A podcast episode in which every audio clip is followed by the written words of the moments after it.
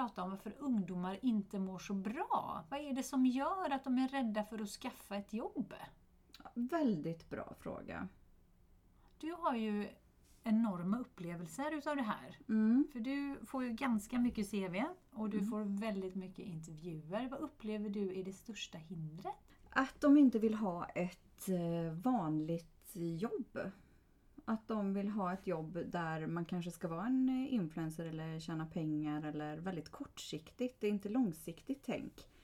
Utan eh, det här ska jag göra nu för en stund. What's in it for me? Vad kan jag få ut? Vad är mina rättigheter? Man tänker inte att man kanske ska ge någonting tillbaka. Man vill ha en hög lön, man vill eh, ja, inte jobba heltid. Eh, kanske runt 75-80 procent. Och då brukar jag fråga hur kommer det sig att du inte vill jobba heltid? Nej men jag har en häst eller jag har lite andra grejer runt omkring som jag behöver fixa med. Eller nej det passar mig bra just nu att bara jobba 80 procent. Och någonstans så har vi ju ett samhälle som är byggt på att man ska jobba heltid. Sen har jag funderat väldigt mycket på de här frågorna sedan kanske 10 år tillbaka. Där man liksom kände kanske för fem år sedan en tendens att det här börjar vridas. Att har vi ett gammalmodigt sätt att arbeta på, 7 till 4, 8 till 5, det här förvärvsarbetet. Att man ska ha lite mer flexibilitet och jag tror att den här pandemin har nog hjälpt till med att vi ska vara lite mer flexibla, att få jobba hemifrån, att eh, lite komma och gå som man vill. För det är lite den känslan den yngre generationen vill ha. De ska jobba när de kan och vill ha möjlighet. Det är inte liksom arbetsgivaren och själva arbetet i sig utan de vill att det ska anpassas. Verksamhet ska anpassas till deras, eh, till deras liv. Ja, Jag tycker det är så spännande, för jag, jag vet inte om vi har pratat om detta innan, men jag har lite så här i bakhuvudet. För det är just det här, då när vi pratade om förra gången tror jag, eller vi var inne och nämnde det. Det är ju det här att vad händer med de här barnen nu som har gått, fått gå de här Montessori-förskolorna, Waldorfskolorna och allt vad de heter. Där man har fokuserat på det individuella, alltså individualistiskt. Alltså det du är duktig på, det gör du och sen det andra kommer Mm. Efter ett tag. Men nu Mm. ska du bara göra det som eh, Mm. du är bra på och jätte, jättemycket fo- fokus på, på jaget. Och sen också kan jag uppleva att vi kanske inte har tillåtit våra barn att misslyckas eller tillåtit våra barn att kämpa. Och nu säger jag tillåt Mm. våra Mm. barn och då Mm. tänker jag själv som har ungdomar då, eller barn i 20-årsåldern eller vad ska man säga. De, Mm. de är inte ungdomar längre de är unga vuxna nu när jag tänker efter. Vad är det som gör att vissa, precis som du säger, eh, det är väldigt mycket krav Mm. men eh, inga skyldigheter alls. Och jag sitter ju på andra sidan och har jobbat med väldigt många ungdomar som eh, kommer ur gymnasieskolan eller, eh, och då har inget jobb emellan. Och diskussioner kring detta. Och precis som du säger, jag tror nästan alla är influencers på något sätt. Man håller på med sina sociala medier.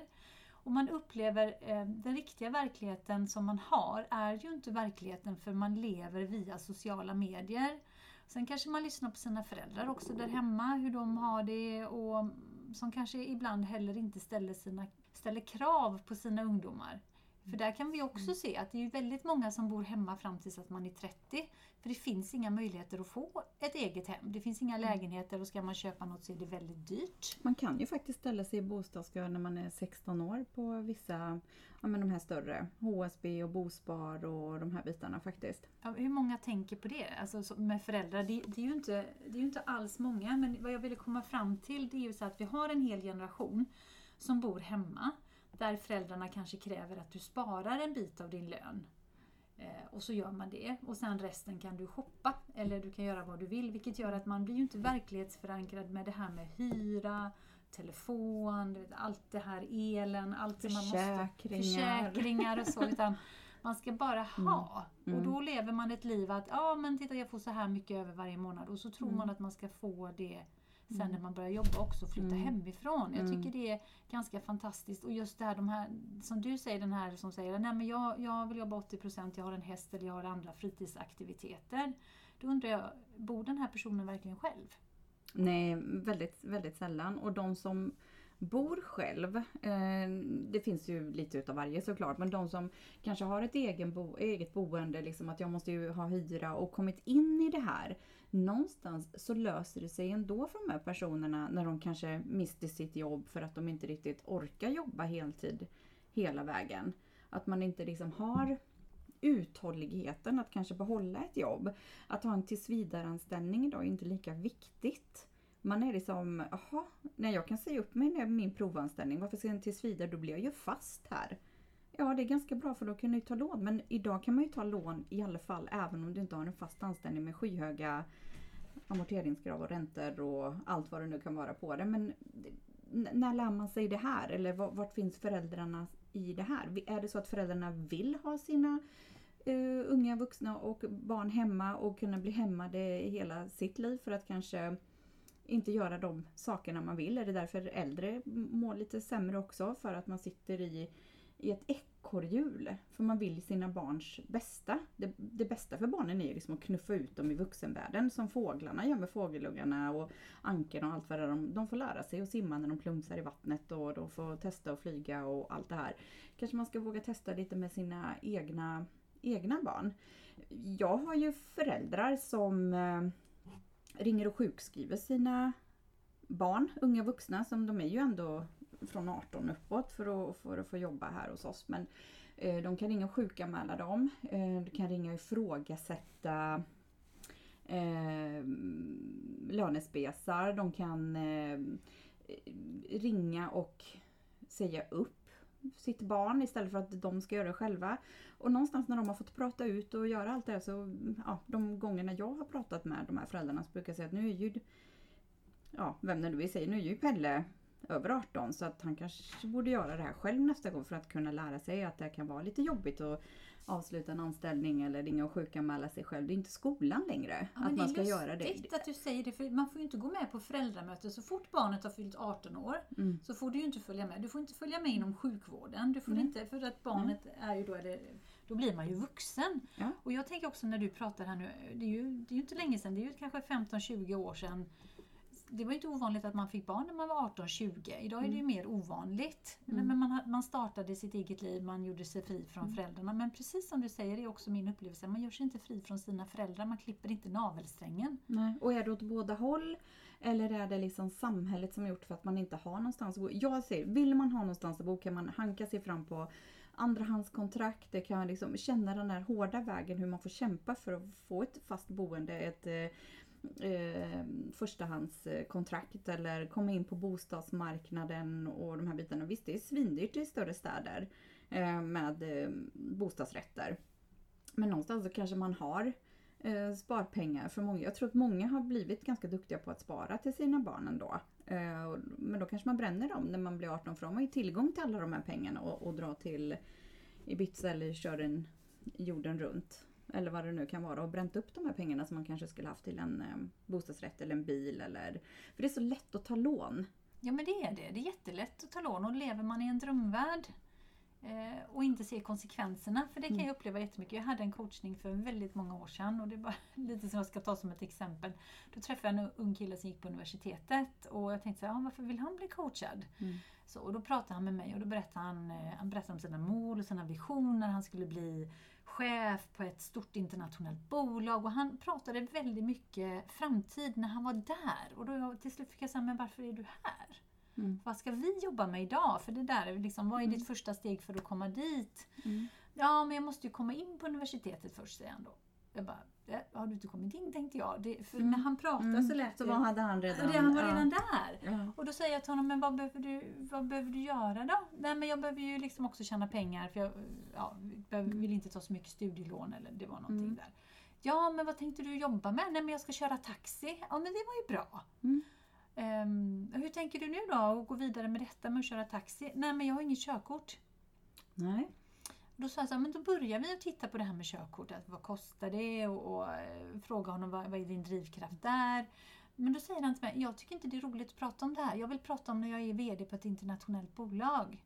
Mm. Och då fine, alltså det är ju ändå klienten som Mm. bestämmer. Så. Mm. Ehm, men jag sa till honom att det viktiga är att det är jättebra att ha målbilder och visioner. Men om du inte gör en handling i den faktiska verkligheten idag så kommer du ingenstans. Om jag träffar dig om 20 år så sitter du fortfarande och pratar om att du ska ta ditt körkort och Mm. eh, till att ha det här Mm. taxikortet för att studera. Mm. Och det vill jag säga kan jag uppleva med väldigt många att jag, idag, att det har kommit mer och mer när jag pratar med ungdomar just det här, vad, vad, vad vill du ha för jobb?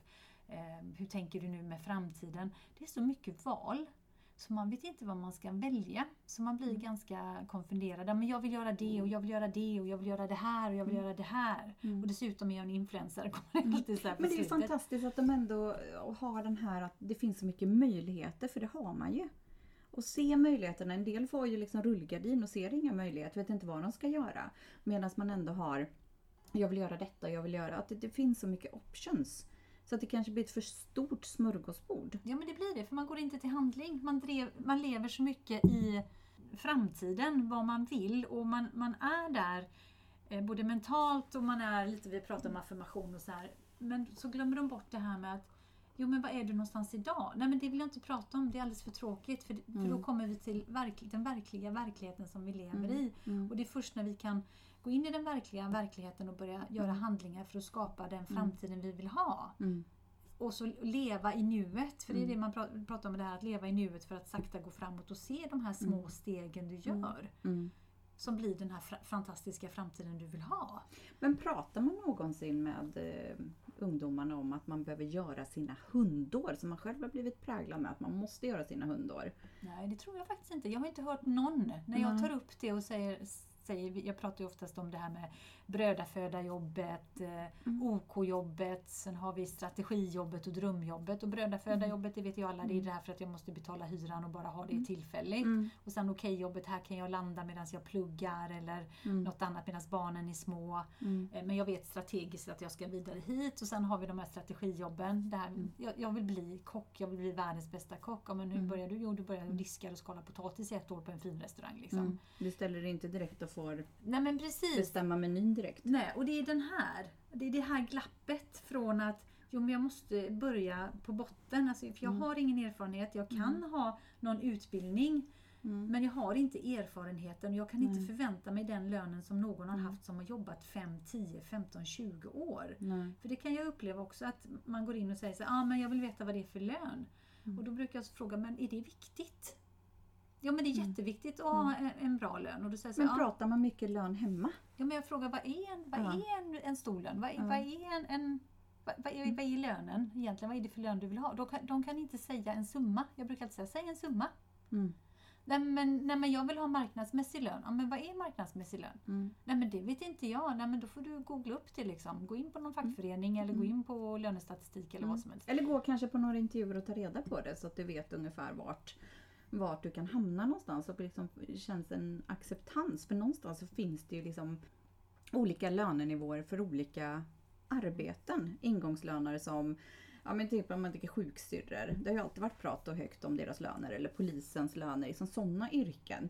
Gäller liksom kontors eller inom eh, industrin eller som kock eller som VD. En VD kan ju tjäna 40 upp till 200 miljoner. Nej men alltså det kan ju vara ett sånt jäkla spann Mm. på vad det är de vill eh, vad det är de vill ha. Men då tänker jag, är det så för att man pratar så mycket om lön hemma att man tror att man ska ha det ens föräldrar har för att man ändå är ute och jobbar.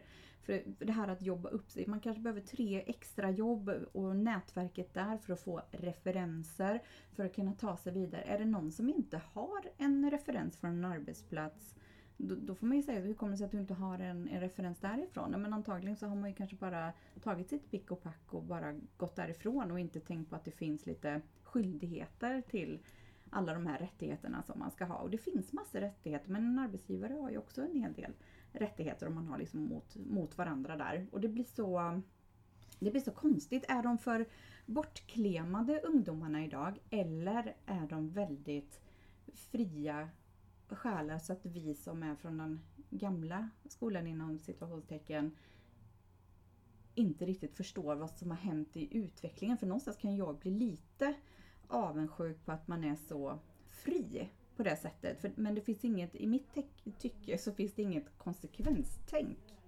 Men det finns det inte och jag förstår det för det, det är ju väldigt dubbelt. På ena sidan så tycker man så här, gud vad, vad kaxiga de är, vad, vad tufft liksom. På andra Helt sidan, underbart. Ja. andra sidan så tänker man så här, men shit hur ska det gå för dem? ja. Och vem, vem är det då som ska eh, som elektriker eller eh, fixa de här grejerna som man behöver hemma? Rörmokare, urmakare. Hur många utbildar sig till det egentligen? Det är ju liksom drömscenario för de som är arbetssökande att kanske utbilda sig till just de här yrkena. Det kanske finns fler. Eh, för att jag tror inte att det finns knappt några yrkesutbildningar inom detta idag. Eller man fortsätter, man har gått kanske sin treåriga gymnasium. Sen orkar man inte liksom få de här timmarna som man måste ha som lärling som elektriker. Men eh, som en elektriker kan du jobba exempelvis eh, utomlands och det, som, det kopplas ju på, på samma sätt. Ström är ju ström. På något sätt. Jag tänkte säga att de här hantverksyrkena som du pratar om, Ja. de tjänar ju så mycket pengar. Ja. Men vet du vad? Du måste jobba. Vet du Precis. hur jobbigt det är att gå upp? Jag måste Ja. gå upp klockan fem på morgonen Mm. för att ta mig till jobbet. För Mm. det, det är det de säger, det är, jobb, det är jobbigt. Jag Mm. måste gå upp. Mm. Jag är ju jättetrött på morgonen. Mm. Jag orkar ju inte gå upp. Och där tror jag, tröttheten handlar ju om att man rör på sig för lite. Anders Hansen, det här med Jo. att röra på sig och det här, alltså den generationen, stillasittande generationen, liksom paddan, sociala medier och Men allt vi det har ju här. blivit matade. Men alltså jag tycker det är skrämmande. Idag är det inte så här att eh, varför kommer du inte i tid? Utan idag är det åh men vad bra att du dök upp. Ja men precis! Och då blir det liksom, det blir ombytta roller. När en Mm. pedagog säger vad bra att du dyker upp. Det gör ingenting att klockan är halv tio. Vad bra att du kom. Jaha, du fått Mm. sova ut. Mm. Nu generaliserar jag ganska mycket. Men jag kan uppleva att ibland är det så att, att vi får beröm för att vi kommer till skolan. Det är inte Mm. självklart längre att Nej. man ska komma i tid. Vad händer?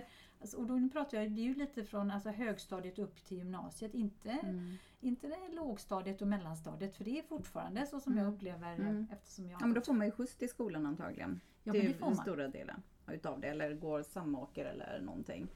Det tror jag, då, då är det lättare att komma i tid. Men CSN, de har ju börjat dra av frånvaro från eh, studiebidraget. Ja men så någonstans är det ju det här liksom ett, ett eh, problem som man får göra åtgärder för. Ja, och jag tycker det är bra för någonstans så måste man ju också sätta ner foten. Att titta på lite då för deras egen framtid. Jag har ju alltid sagt till mina tjejer när de började plugga gymnasiet så skaffa extrajobb. Mm. Eh, och gör det för att känn på hur det känns för att jobba för då kommer ni bli motiverade för att gå kvar i skolan. Mm. Eh, och samtidigt kommer ni få referenser och man kommer kunna se på ett CV att ni har faktiskt jobbat. Mm. Så de började på, alltså, inom hotellstäd och servering Mm. och, och har alltid jobbat. Och det kan jag ju se idag nu och de pluggar ju båda två men de har Mm. väldigt lätt att få sommarjobb. Mm. Ja men det är ju så, en, en arbetsgivare generellt eh, vågar ju kanske inte satsa på någon som aldrig har jobbat. Man vet att han har liksom, vill man vara den här första som ska styra upp alla de här sakerna, liksom komma i tid och allt det här vad det innebär. De barn som är i gymnasieåldern, tänk på det, ni gör dem inte en tjänst genom att säga att, att de inte behöver jobba. Eller, och jag pratar inte om att de ska jobba varje helg, men att man börjar med någonting så att man förstår hur den verkliga världen ser ut. För det är så skrämmande att se hur många det är som inte vet hur det fungerar i ett arbetsliv. Och nu pratar jag inte om gymnasieungdomar utan nu pratar jag om, om de här som har varit arbetssökande i kanske två, tre år efter gymnasiet som jag har träffat på. Exakt, det, det är det jag vill komma till också. Att, att ha det här med referenser, hur viktigt det är att en arbetsgivare ska våga eh, anställa en person som kanske har gått eh, gymnasiet och sen hoppade på högskolan direkt och sin utbildning och man kommer ut dit och är fullärd och vill ut i livet och allt det här och aldrig har jobbat, inte ens ett sommarjobb.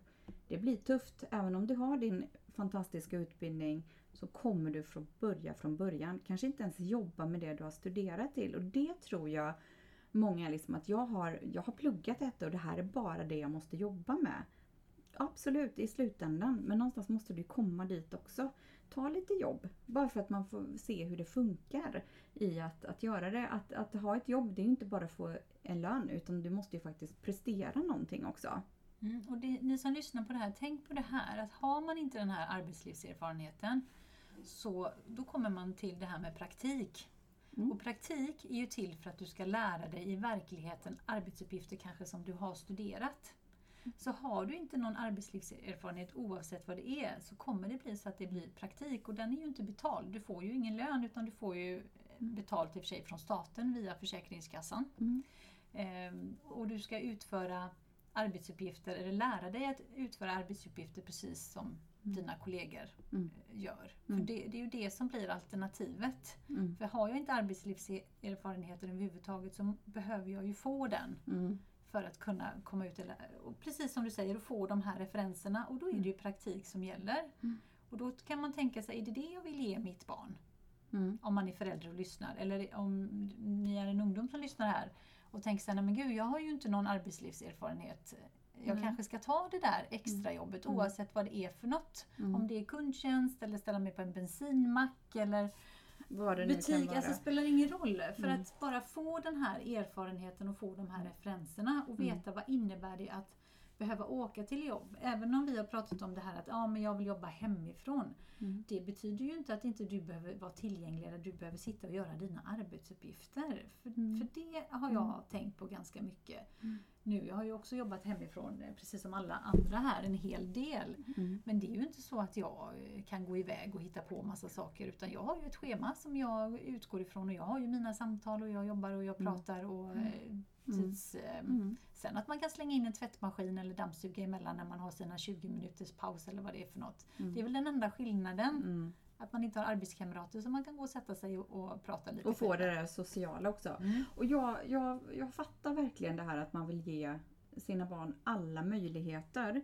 Men där kan ju också stjälpa dem om man inte försöker pusha ut dem i arbetslivet, ut ur hemmet, skaffa sig erfarenheter, låta dem kämpa lite, veta liksom att det blir Ingenting är gratis utan man kan inte bara få massa pengar, en swish hit eller dit. Se över hur mycket ni swishar till era ungdomar och gör en liten sammanställning på det så är det liksom en, en hundring hit eller dit. Det blir ju en hel del eh, pengar för man ska gå ut och käka med kompisar och såna saker. Och, och vad lär man sig då? Jo, att det alltid blir liksom ett flöde utan att behöva göra någonting. Du får faktiskt hoppa över den här gången. Ja, för det blir ju faktiskt så att du, du som förälder, det är inte så eh, att du fortsätter betala för, för ditt barn så sätt, Mm. även om det är vuxet. Mm. Så att du, du har ju fortfarande samma lön. Mm. Men här har du faktiskt en till vuxen person som du försörjer. För det har jag ju fått från ganska många föräldrar. Mm. För de förstår ju inte varför deras 23-åring Mm. eh, inte gör någonting utan bara sitter hemma och spelar spel. Nu överdriver jag ganska För att mycket. hen kan. För att hen kan. Och då säger jag också, men, men- varför, varför swishar du över pengar? Mm. Ja men han, hen, eh, hon måste ju liksom ha och de måste gå ut med sina kompisar och så. Ja men då är det ju faktiskt ditt val. Mm. Då har ju inte du satt ner foten och sagt att nej, men du behöver gå ut och skaffa dig ett jobb eller Mm. visat den vägen som den ska Mm. gå. Och, Mm. och liksom sagt att du måste betala en, en summa hemma. Mm. Sen om du tar de pengarna och Sätter dem på ett sätter sparkonto så att de sparkonto får eller eller vad som helst. Det spelar Mm. ingen roll. Men att man faktiskt behöver lära sig det här med utgifter, inkomster och utgifter. Mm. Det finns ju faktiskt 18-åringar som bor hemma som hamnat hos Kronofogden. Mm. Sms-lån är vi inne på här nu säkert också. Absolut, hur tillgängligt det är. Mm. Och det är klart att det finns företag som vill tjäna pengar på detta. Men jag menar hamna i detta när man är 18 år hos Kronofogden och sen inte kunna få ett mobilabonnemang, inte kunna skaffa sig eh, ett hyreskontrakt och allt vad det innebär. Alltså börja där. Det, det skulle ge mig psykisk ohälsa som 18-åring att man tagit så korkade val. Jo men faktiskt och sen ska man ju veta också att det blir svårare att få jobb för arbetsgivaren Mm. tittar på betalningsanmärkningar om man har Mm. det. Mm. Prick i protokollet och inte bara från polisen med belastningsregistret. Och då tittar de och så tänker de sig, ja men den här personen har ju inte betalat sina räkningar. Kan Mm. den ha ett spelmissbruk eller Mm. vad är det som har gjort, eh, kommer det här drabba Mm. oss på Mm. företaget? Och då, alltså, det, alltså det blir följd, eh, även om inte det finns någon sanning i det. I våra tankar och våra känslor när vi bedömer människor som vi inte känner Mm. så går tankarna och det iväg. Alltså, vi kan fantisera ihop världens historia Mm. och så ger man inte den här personen chansen. Och jag menar det här, droger är ju lite billigare än alkohol. Mm.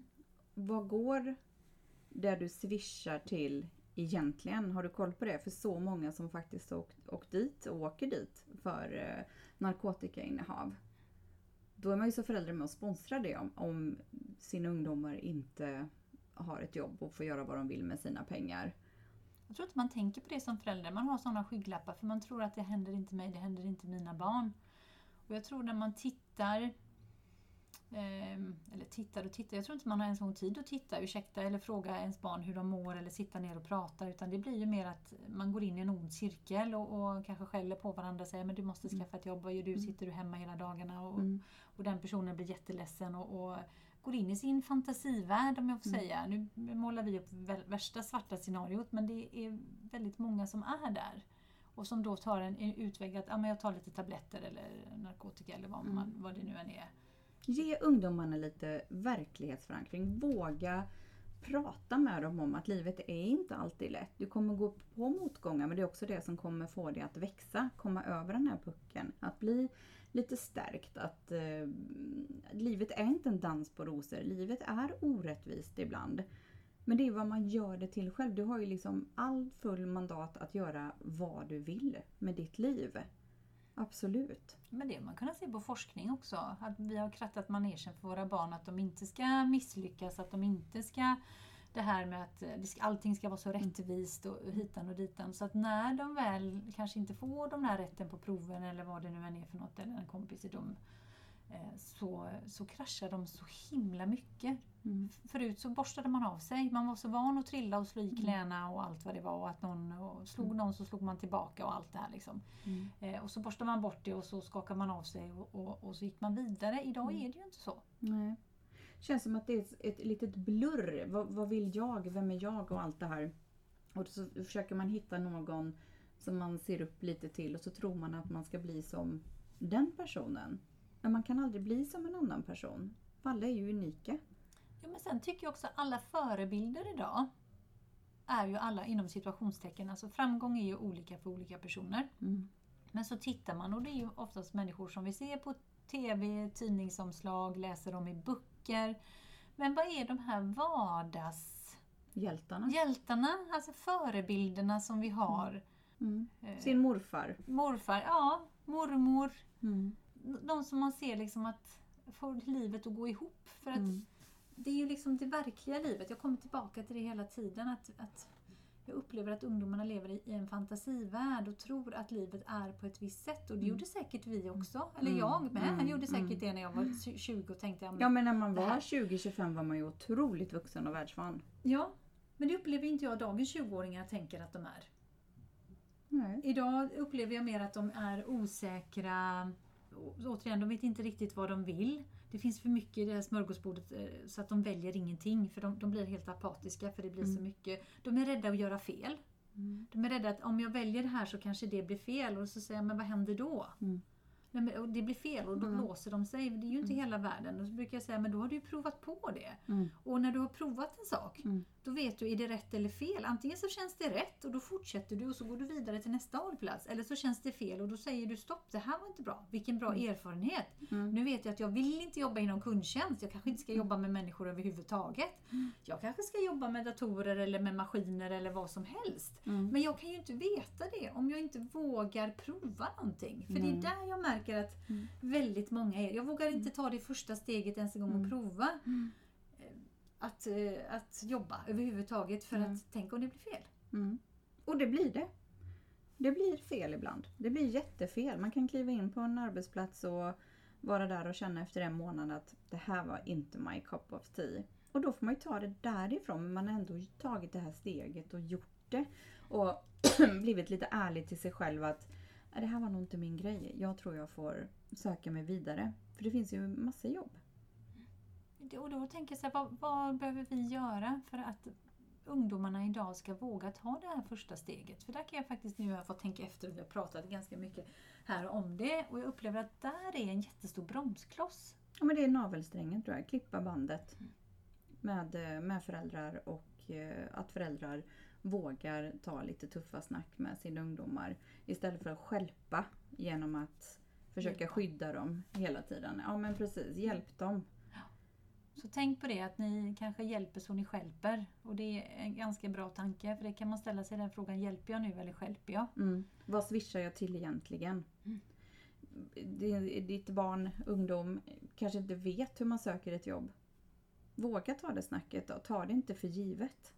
Ja, och det vet de inte. Och där har jag efterfrågat. Jag vet, jag jobbade på ett stort företag för många år sedan och då var jag med och skapade eh, material för att man skulle ut på gymnasieskolorna och prata om vad händer efter att gymnasiet tar slut och man inte kommer in på universitetet. Vad gör jag sen? Mm. Och då var ju tanken att man skulle komma in redan i början på andra terminen eller slutet på första terminen och diskutera just det här med CV-skrivning, skriva in sig på Arbetsförmedlingen, vad händer då? Att börja ta ansvar, intervju, vad händer med, liksom, hur tänker en arbetsgivare? Vad har jag för val? Och sådär. Och tyvärr så rann det ut i sanden för det tyckte jag var jätte, jättebra. Jag hade diskussioner med ett annat företag här nu för inte så länge sedan om att faktiskt gå ut och även på yrkeshögskola och prata om detta för man har ingen aning. Nej. Nej och jag tänker, vill man då liksom ha den här framgången, leva gott och allt det här så behöver man också tänka på sin egen pension. Det kanske man inte tänker. Men var ska pensionspengarna komma ifrån om det är ingen som jobbar? Det är av ren kärlek till alla jag säger det här bara att kom in i arbetslivet om du vill ha det gött som eh, pensionär. Eller bara bidra till, till samhället så att det kan bli. Slutar man att jobba och allt det här och ja, skattepengar och allt det här går till bidrag bara så kommer det inte finnas någon, kanske någon pensionsavsättning alls. När du är runt 20, ända upp till 25 faktiskt, när man tittar så är upplever jag att upp företag, nu tittar jag på dig Katrin, företag upplever att nej, men den här personen är jättebra för den personen är formbar Mm. efter mitt företag och vi kan ha mycket internutbildningar, det kan man ha sen också efter 25. Mm. Men att när man väljer att satsa på, på någon så, så gör man gärna det med någon som är mellan 20 och 25. Mm. Så man har ju alla möjligheter i världen men också man kan ju byta, precis som du sa, man kan ju byta arbetsgivare om man inte är nöjd. Mm. Ehm, och känner att nej, men det här företaget har, lever inte upp till mina värderingar. Mm. För det pratar de väldigt också Mm. mycket om. Värderingar, att vad har Mm. företag för värderingar så det inte krockar med mina egna. Mm. Men tänk vilken skillnad det blir. Det finns ju de som bara, what's in it for me? Byter arbetsgivare, bara testar nytt hela tiden. Och så sitter de som bara, yes, ja tack och amen. Och jag är lite rädd för att byta jobb för att jag har ett eh, bidrag eller vad det. Men det här är liksom en, en möjlighet. Det är ju som ett bananskal. Så skit i det. Ja men det kan ju faktiskt inte vara så här att vi har en, en generation och ytterligare kanske en generation som kommer efter det som inte känner för att jobba. Nej, jag tror inte det. Jag tror att det är denna generationen här nu och jag tror ganska mycket kommer att förändras med den här nya generationen som har börjat skol, skolan nu. Liksom. Mm. Om man tittar på, jag tror också våran inställning eh, och det som händer runt om i världen. Vi är väldigt trygga här i Sverige. Så därav också detta problemet att här kan vi välja. Vi, vi eh, har det väldigt tryggt. Vi har inte haft krig på länge. Och eh, ja, vi har en trygghet i våra föräldrar. Exakt, och det här med eh, att man är sjuk. Man får ju vara sjuk, men tänk efter varför du är sjuk, för att du kanske inte mår bra i livet. Eh, jag läste ganska nyligen eh, lite artiklar och ehm, eh, forskade vidare lite, för jag tycker liksom att sjukfrånvaron hos de yngre är betydligt högre än någon annan eh, åldersspann. Eh, och det är oftast att man har konflikter, relationsproblem, eller inte mår bra i sig själv och sådär. Och eh, jag snokade faktiskt fram via Arbetsgivarverket att det är faktiskt olovlig frånvaro för du är inte sjuk. Men det är många som använder det som sjuk för att ens pojkvän, flickvän har gjort slut eller man har någon konflikt hemma eller på jobbet eller någon närstående. Det går som olovlig frånvaro faktiskt. Och jag tänker också det att just det här eh, när man väljer att vara sjuk för att ens husdjur också, eller man babbar, Ja. man, för att ens Ja. husdjur är, är dåligt. Jag blir alldeles mållös när jag, jag tänker på det. Ja. Ehm, Hur det kommer sig att helt plötsligt att vi kan, vi kan ta ledigt från jobbet egentligen, minsta lilla grej. Mm. Vad är, vad är det som har hänt? Jag tror att om den generationen som var med och skapade arbetsrätten för många, många år sedan ha- hade förstått att vi skulle gå åt detta hållet. Så Vänder undrar- sig i graven. Ja, jag tänkte, jag tog ordet. Jag undrar om de hade sett detta framför sig.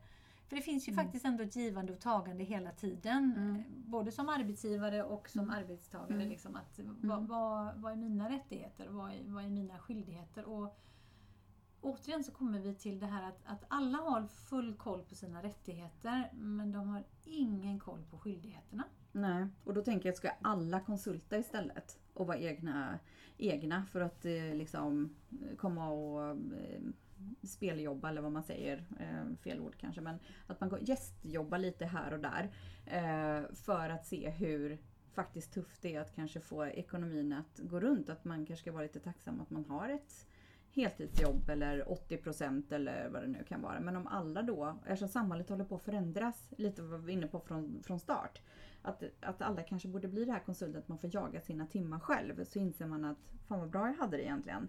Jag tror vi är på väg dit. Jag är ganska krass. Jag, jag har sagt det i ganska många år här nu. Jag tror att vi är på väg till att alla ska bli små konsulter för att det är så dyrt för företag att anställa. Det är så dyrt för företag att eh, avskeda på Mm. olika sätt. Och, och, ehm, det är en sån jättestor kostnad idag för företagen att anställa fel person. Mm.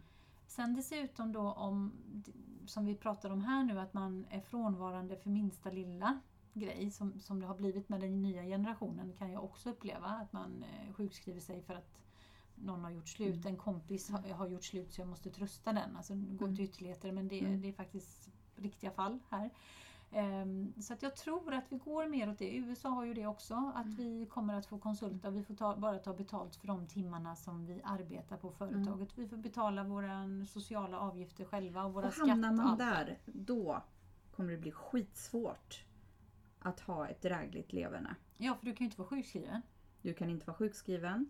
Du vet inte om du kan betala dina lån, sms-lån eller din hyra, mat, kanske skaffa familj. Allt blir väldigt semester. Allt blir väldigt, väldigt osäkert. För det var så roligt apropå det här med semester, en liten parentes här. Eh, eh, I somras så träffade vi på ett par som eh, bor i Kanada. Eh, hon är svensk, han är från Kanada. Och så sitter vi och diskuterar över middag så säger den här mannen Åh, ni har det så bra i Sverige. Ni har ju så...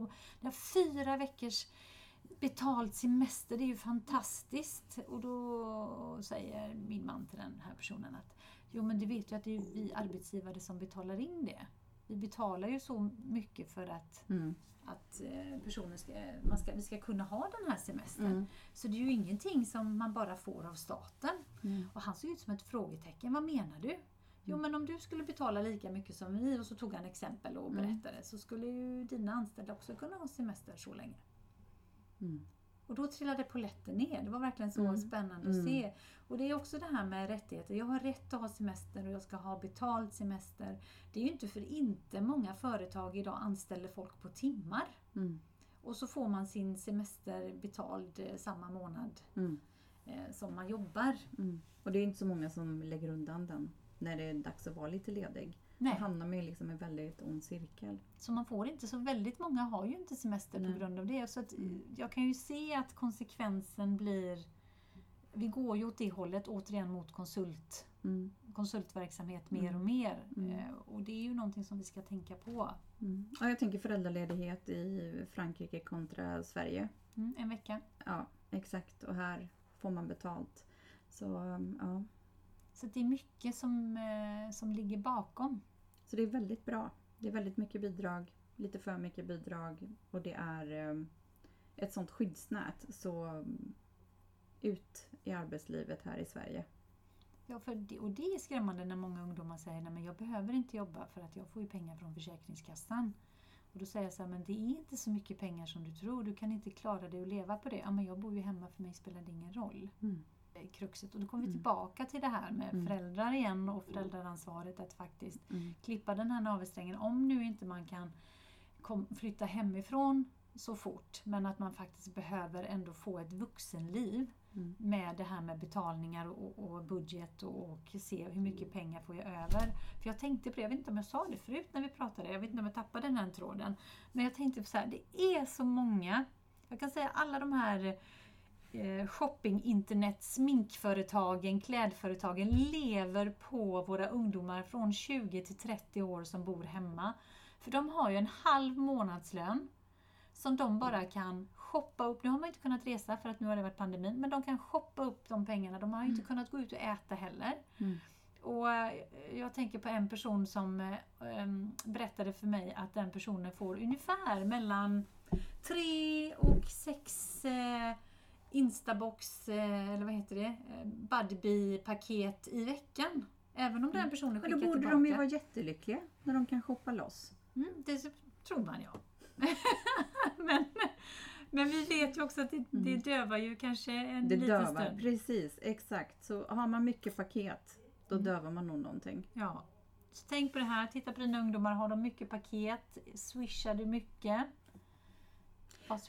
Prata, ja, och prata om eh, det obekväma faktiskt. Att eh, det kan vara tufft att eh, hitta fel jobb men det kommer leda till ett rätt jobb.